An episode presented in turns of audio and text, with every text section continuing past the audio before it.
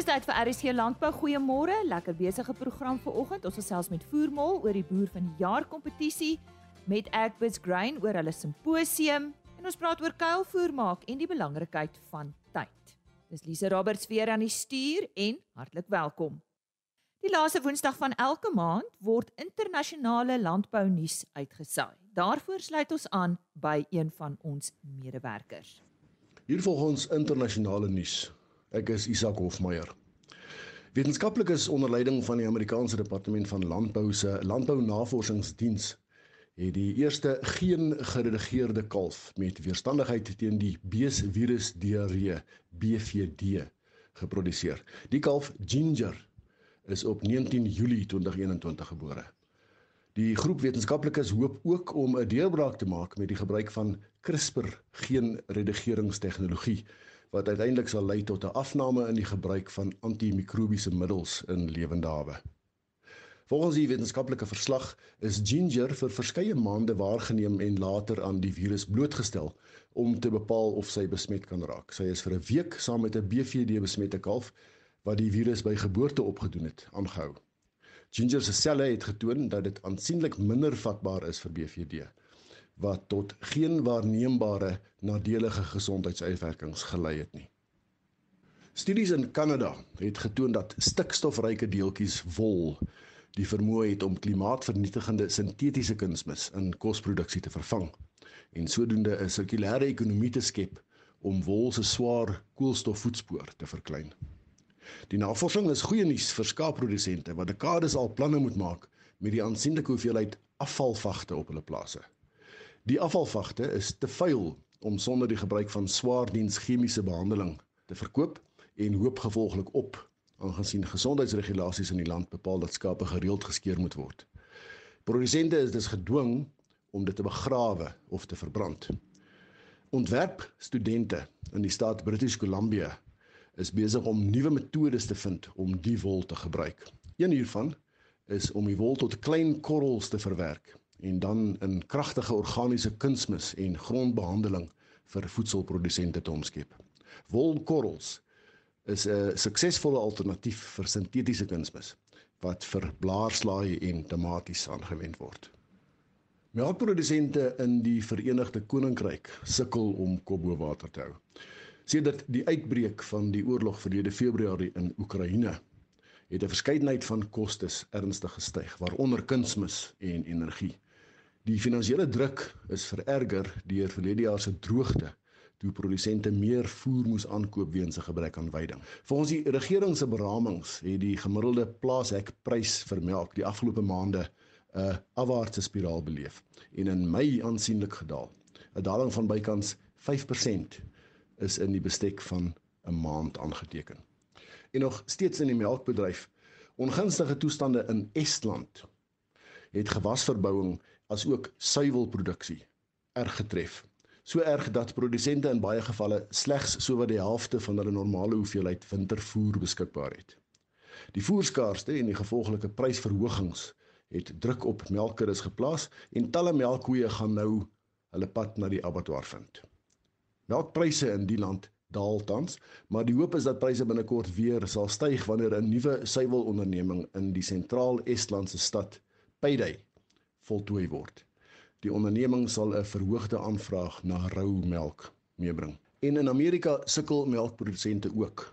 Produsente in die noordelike dele van die Middeweste was onlangs genoop om melk in dreine te stort weens oormatige voorsiening. Volgens beskikbare inligting is die daaglikse hoeveelheid surplus melk gelykstaande aan 50 tanks. Daar word gemeen dat hierdie jongste voorval in Wisconsin en na bewering in ander state in die Middeweste toegeskryf kan word aan vraag en aanbod kwessies. Aangesien die aanbod die vraag oorskry, is daal melk en kaaspryse dien ooreenkomstig benewens die storting van melk. Is die mening dat produsente ook hulle kuddes kan verminder deur koeie voortydig na abattoirs te stuur. En ten slotte 'n renoster storie. In 'n onlangse studie aan die Universiteit van Neuchâtel in Switserland is 15 jaar se data oor die gedrag van honderde swart renosters in reservate in Suid-Afrika ontleed. Spesifieke aandag is geskenk aan hoe die afstande wat renosters aflê, diere se gebiedsomvang is voor en na hulle onthoring is gekarteer. Die data strek oor ongeveer 2 jaar voor en dan 2 jaar na die prosedure. Die studie toon dat die gebied van die onthoring deur renosters in hierdie tydperk verklein het. Koeie is 'n gebied met sowat 53% en bullesin met 38%. Die aantal en intensiteit van interaksie tussen renosters gebaseer op tuisgebied oorvleeling het met 37% afgeneem met bil tot bil interaksie wat die meeste geaffekteer is. Die kontrolegroep bestaan uit renosters wat nie onthoring is nie, het hulle grensgebied vergroot. Dit aan die einde van ons internasionale landbounuus. Nou hierdie keer in ons kuilvoer gesprek gaan dit oor tydsberekening. Richard Venter op die lyn om met ons hieroor te gesels. Richard, ek sien jou opskrif van ons artikel waaroor ons praat is oes stadium en inkuil spoed. Dit is maar tydsberekening, is ek reg? Goeiemôre. Môre Lise, ja, heeltemal reg. Uh die hele kuilvoer uh, proses begin mos nou maar by optimale oes stadium en ek koppel die baie belangrike tyd uh voor en na daaraan, voor in die sin dat ons moet bepaal wanneer moet ons daai gewas sny en na wanneer ons besig is met kuilvoer moet ons besef dat die spoed waarteen ons werk effektief werk natuurlik is baie belangrik maar kom ek verduidelik vir jou hoekom. Uh eerstens oes stadium gaan alles oor die optimale voedingswaarde van die gewas. Die meeste gewasse het 'n uh, 'n uh, 'n uh, 'n enkele punt waar jy kan 'n optimale kwaliteit en kwantiteit kry. Dis byvoorbeeld in die geval van mieliekeilvoer baie waar As jy vroeg sou sny vir mieliekeilvoer, dan gee jy baie op. Jy gee uh kwantiteit en kwaliteit op. En as jy laat sou sny, gee jy byvoorbeeld nie kwantiteit volume op nie, maar jy gee wel kwaliteit op. So ons moet hom reg kry. Uh ander gewasse soos byvoorbeeld haver of gras, hy het 'n klein bietjie van 'n ander benadering want jy kan eintlik kies wat jy met hom wil doen. Want as jy hom vroeër sny, dan is die kwaliteit beter, veral uit 'n proteïen opbrengsperspektief maar die kwantiteit of die volume, die opbrengs is dan nou weer minder. En as jy weer meer agter uh, uh soos die Engelsman sê bulk aan is, net 'n groot volume voer, voerbank, dan kan jy iets soos 'n haverkuil vir heel wat later sny uh wanneer hy meer volwasse en droër begin word, maar jy moet besef jy dan 'n klomp kwaliteit reeds verloor. Ehm um, en die sny stadium sal eintlik verskil tussen plase selfs vir dieselfde gewas omdat dit gaan ook maar oor die dier wat ons moet voer dit gaan oor ons voervloei. Jy weet die voervloei is 'n is 'n eintlik 'n baie ou beginsel wat eintlik heeltemal te min en relatief swak op plase toegepas word want dit het te maklik en eenvoudig geword om bloot die nutriënte wat jy kort aan te koop. Maar baie keer kan ons baie meer van hierdie nutriënte wat die boer benodig in sy voedingsprogram uh kan hy self produseer. Hy het dit selfs geproduseer. En graskuilvoer byvoorbeeld is 'n is 'n ideale 'n uh, uh, voorbeeld daarvan waar ons bemes en produseer gras om 'n baie hoë proteïeninhoud te hê, maar dan laat lê ons dit of laat ons dit te ver groei en en oud en volwasse word en ons sny hoë hier teen 'n baie swak kwaliteit wanneer daai proteïen glad nie meer beskikbaar is nie. En wat is dan nou die punt daarvan? Nou moet ons weer in die voervloei proteïene aankoop. So ek dink ons moet besef ons moet eerstens bepaal wat dit is wat ons wil hê uit daai gewas uit en die voervloei is baie belangrik daarvoor. En dan moet ons die sny stadium uh optimale punt vir sny stadium gaan soek en dan by daai stadium moet ons die kuilvoer maak. Dit is dan die eerste gedeelte van tydsberekening. Die tweede gedeelte gaan dan nou oor spoed, spoed van inkuiling. En hiermee sê ek nou nie ou moet nou hardloop en droog maak langs die pad nie. Nou ons moet besef die prosesse wat moet plaasvind tydens sny en maak van kuilvoer moet alles nog steeds optimaal gebeur. Maar hoe vinniger ons werk vandat 'n gewas gesny en geker word totdat dit in 'n in 'n stoor vorm soos 'n banker of 'n hoop, 'n silo sak of 'n bal ten volle anaerobies, met ander woorde sonder suurstof dan nou gestoor word, daai tyd is baie belangrik.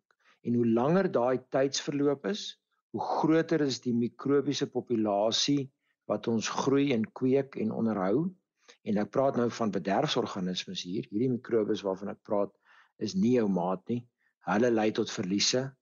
Uh so hoe langer tyd ons daar verspeel, hoe groter is die probleem eintlik. Hoe groter is jou verlies, hoe groter is jou voedings uh agteruitgang en hoe minder kuilvoer behou jy op die einde van die dag.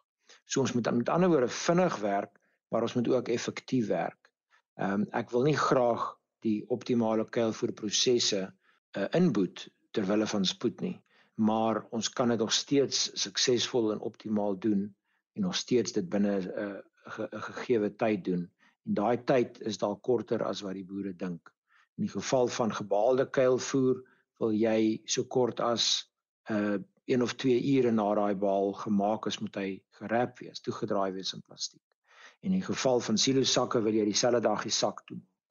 In die geval van bankers en hope wil ons regtig nie verby 2 dae gaan nie. As dit moet 3 dae, maar dan sal 'n klomp ander uitdagings wat daarmee saamkom. So as die boere se eie kuilvoermaakprosesse nie binne hierdie aanwysings wat ek nou net gegee het pas nie, ek dink dan se tyd dat ons gesels en dan met die boere my bel dat ons bietjie gesels oor waar hulle probleme en hulle verliese lê.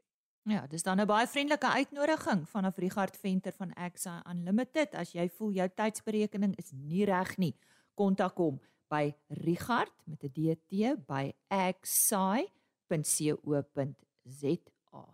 Elke tweede jaar bied Agbus Grain vir die graan en oliesade bedryf 'n simposium aan Vanjaar is dit vanaf 5 tot 8 September. Die tema: Bousekerheid skep volhoubaarheid.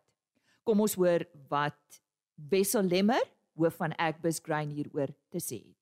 Daar's heelwat onsekerheid nie. As jy sekerheid het, dan kan jy mos nou 'n bedryf volhoubaar groei. Nou een ding wat ons byvoorbeeld die eerste sessie of een van die eerste sessies is waar dit gaan oor die die belegging in silo infrastruktuur.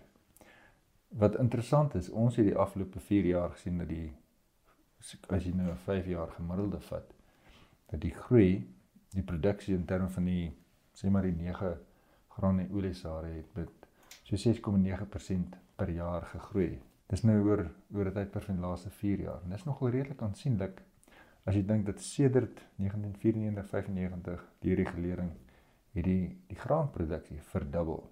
Dit het met letterlik 98% gegroei.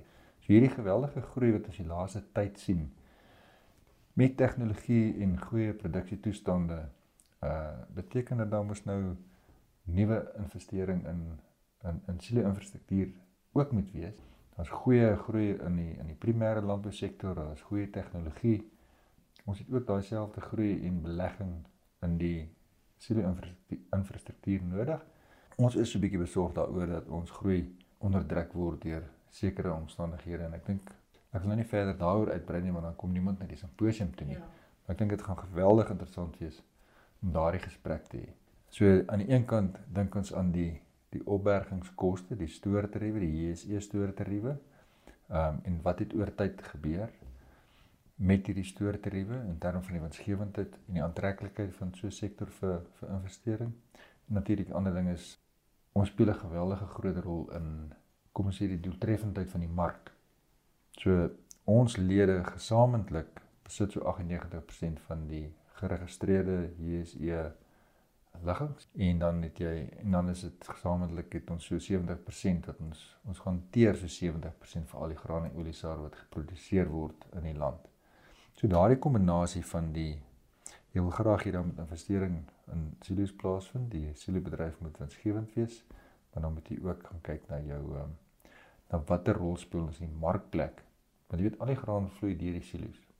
En dit gaan oor die tydige lewering van graan. Dit pra ons praat van ehm um, prysontdekking en jy praat van toegang tot voorraad en konsentrasierisiko.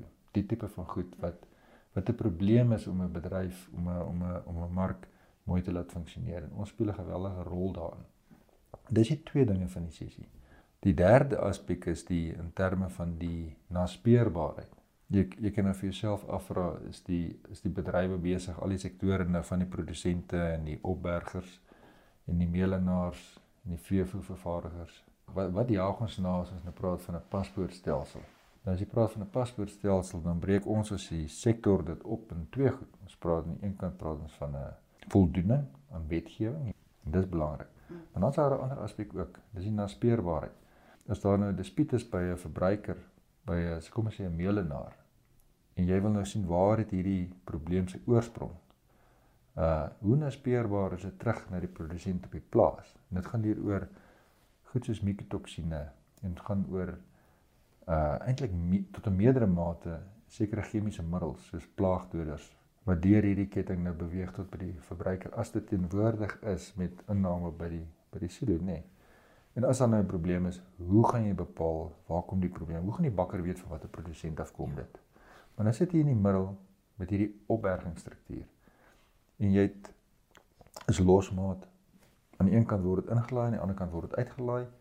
Maar dit is nie so eenvoudig nie want 30 boere weet om nou 'n idee te gee die gemiddelde silo kompleks is 70000 ton. Daar's 'n groot aantal boere se graan wat saam daarin gegooi word en vermeng word, berook word, hanteer word, uitgelaai word en heeltyd deur in en uit.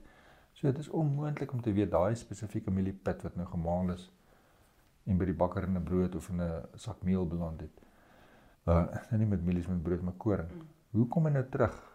Watter produsensie was dit? Is ons is nou speurbaarheid moontlik en daai daar het ons nou kundiges nou van Amerika die Iowa State Universiteit en dan uit die Verenigde Koninkryk en uit Frankryk uit wat nou vir ons kom vertel wat doen hulle en kry hulle dit reg want uh, die beste syfer wat ons het is maar so 70% wat jy kan waarskynlikheid of sekerheid wat jy kan sê maar dit is 'n spesifieke produsent se se graan.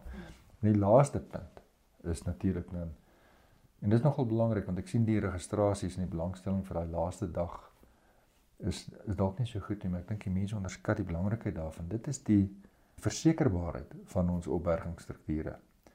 En nie net kommersiële strukture wat graan kommersieel opberg, maar ook daardie op die plaas by die produsente. Want die kommersiële sektor, sektor wat opberg moet aan sekere wette en regulasies voldoen En dis nie noodwendig van toepassing op 'n produsent wat vir sy eie doeleindes opberg, maar produsent het al so groot geword dat hy hy doen dit nie meer net vir sy eie gebruik nie. En as produsente moet kom luister, dan dink ek dis jy is die dag wat hulle moet kom luister om te hoor maar hoekom moet ons aan al hierdie goed voldoen? En waar jou graan eintlik veilig is, is in kommersiële opbergingsstrukture. Ons sal in volgende week se RSG landbou met ook van die fasiliteerders gesels oor die sessies wat hulle aanbied en watter onderwerpe aangeraak word. Dit is aan die Agbus Grain Symposium vanaf 5 tot 8 September wat uh, ook virtueel aangebied word. Ons het daar gehoor van die hoof van Agbus Grain, Wessel Lemmer.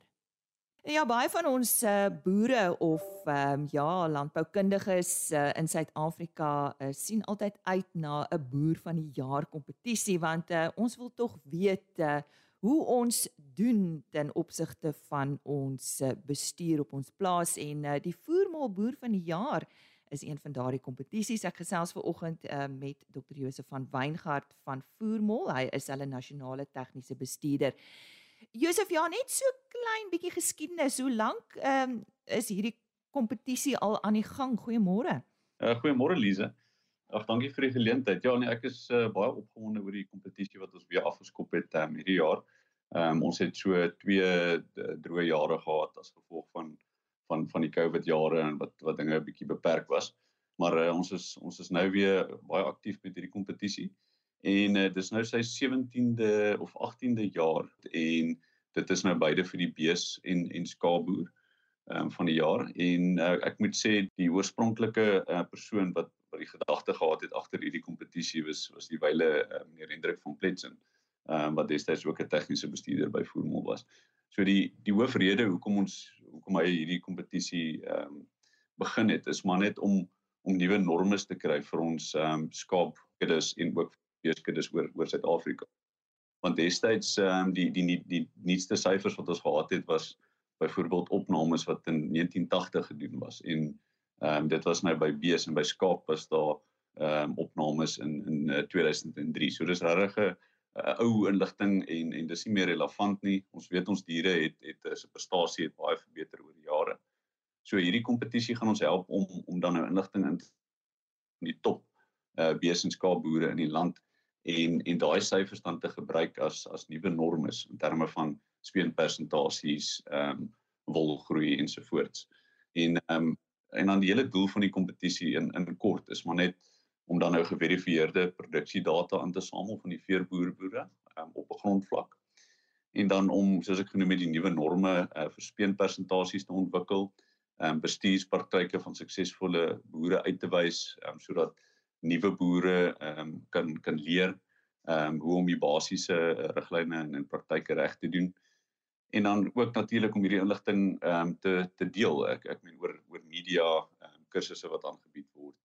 Uh boere daar en en hierdie inligting ehm um, moet dan bydra om die winsgewendheid van veeboerdery in Suid-Afrika te verbeter. So uh, dan natuurlik die laaste punt ag geskies is is dan net om natuurlik erkenning te gee vir hierdie ehm um, boere se se sukses mm, mm. oor die jare. So wat is die kriteria? Wie mag en wie kan nie of hoe weet jy of jy in aanmerking kan kom? OK, so die die kriteria is maar net uh, dit is 'n kom ons noem dit 'n leierboer in sy area. Ehm um, so dit is uh, iemand waar ander boere kyk kyk op na hierdie persoon. Hy moet uh, redelik betrokke wees by ehm um, uh georganiseerde landbou in sy area.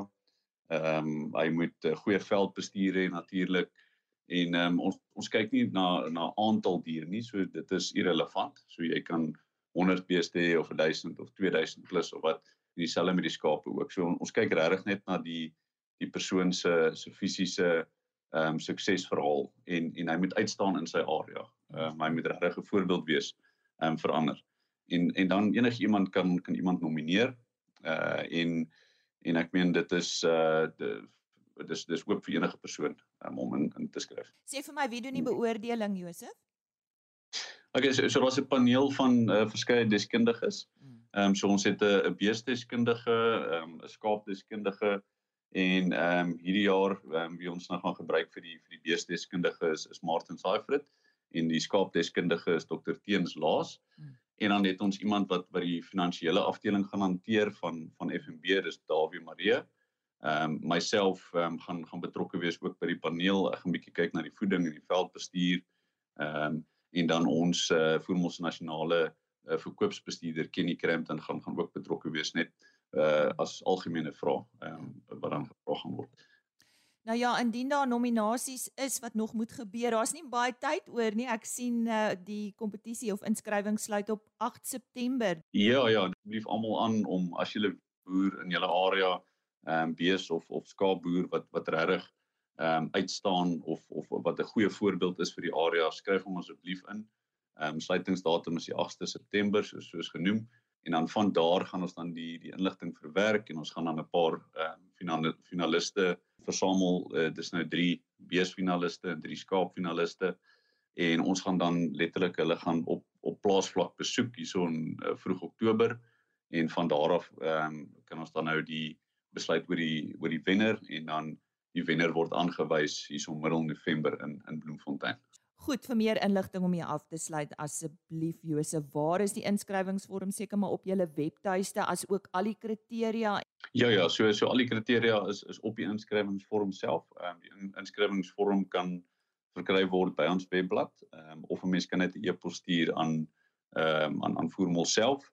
Ehm um, jy kan vir my ook 'n uh, e-pos stuur ehm um, by josef.vanwyngard@tonguard.com en uh, ons kan graag vir julle die die ehm um, inskrywingsvorm uh deel. En julle webtuiste? www.voermol.co.za. So maklik soos dit. Goed, www.voermol.co.za. Dit gaan die maklikste wees. Gaan besoek hierdie webtuiste en onthou, sluitingsdatum vir inskrywings vir die Voermol boer van die jaar die skaap en bees is op 8 September, dus volgende week. Dis dan vandag se program. Ek gesels weer môre met jou. Totsiens. RSG Landbou is 'n plaas media produksie met regisseur en aanbieder Lize Roberts en tegniese ondersteuning deur Jolandi Root.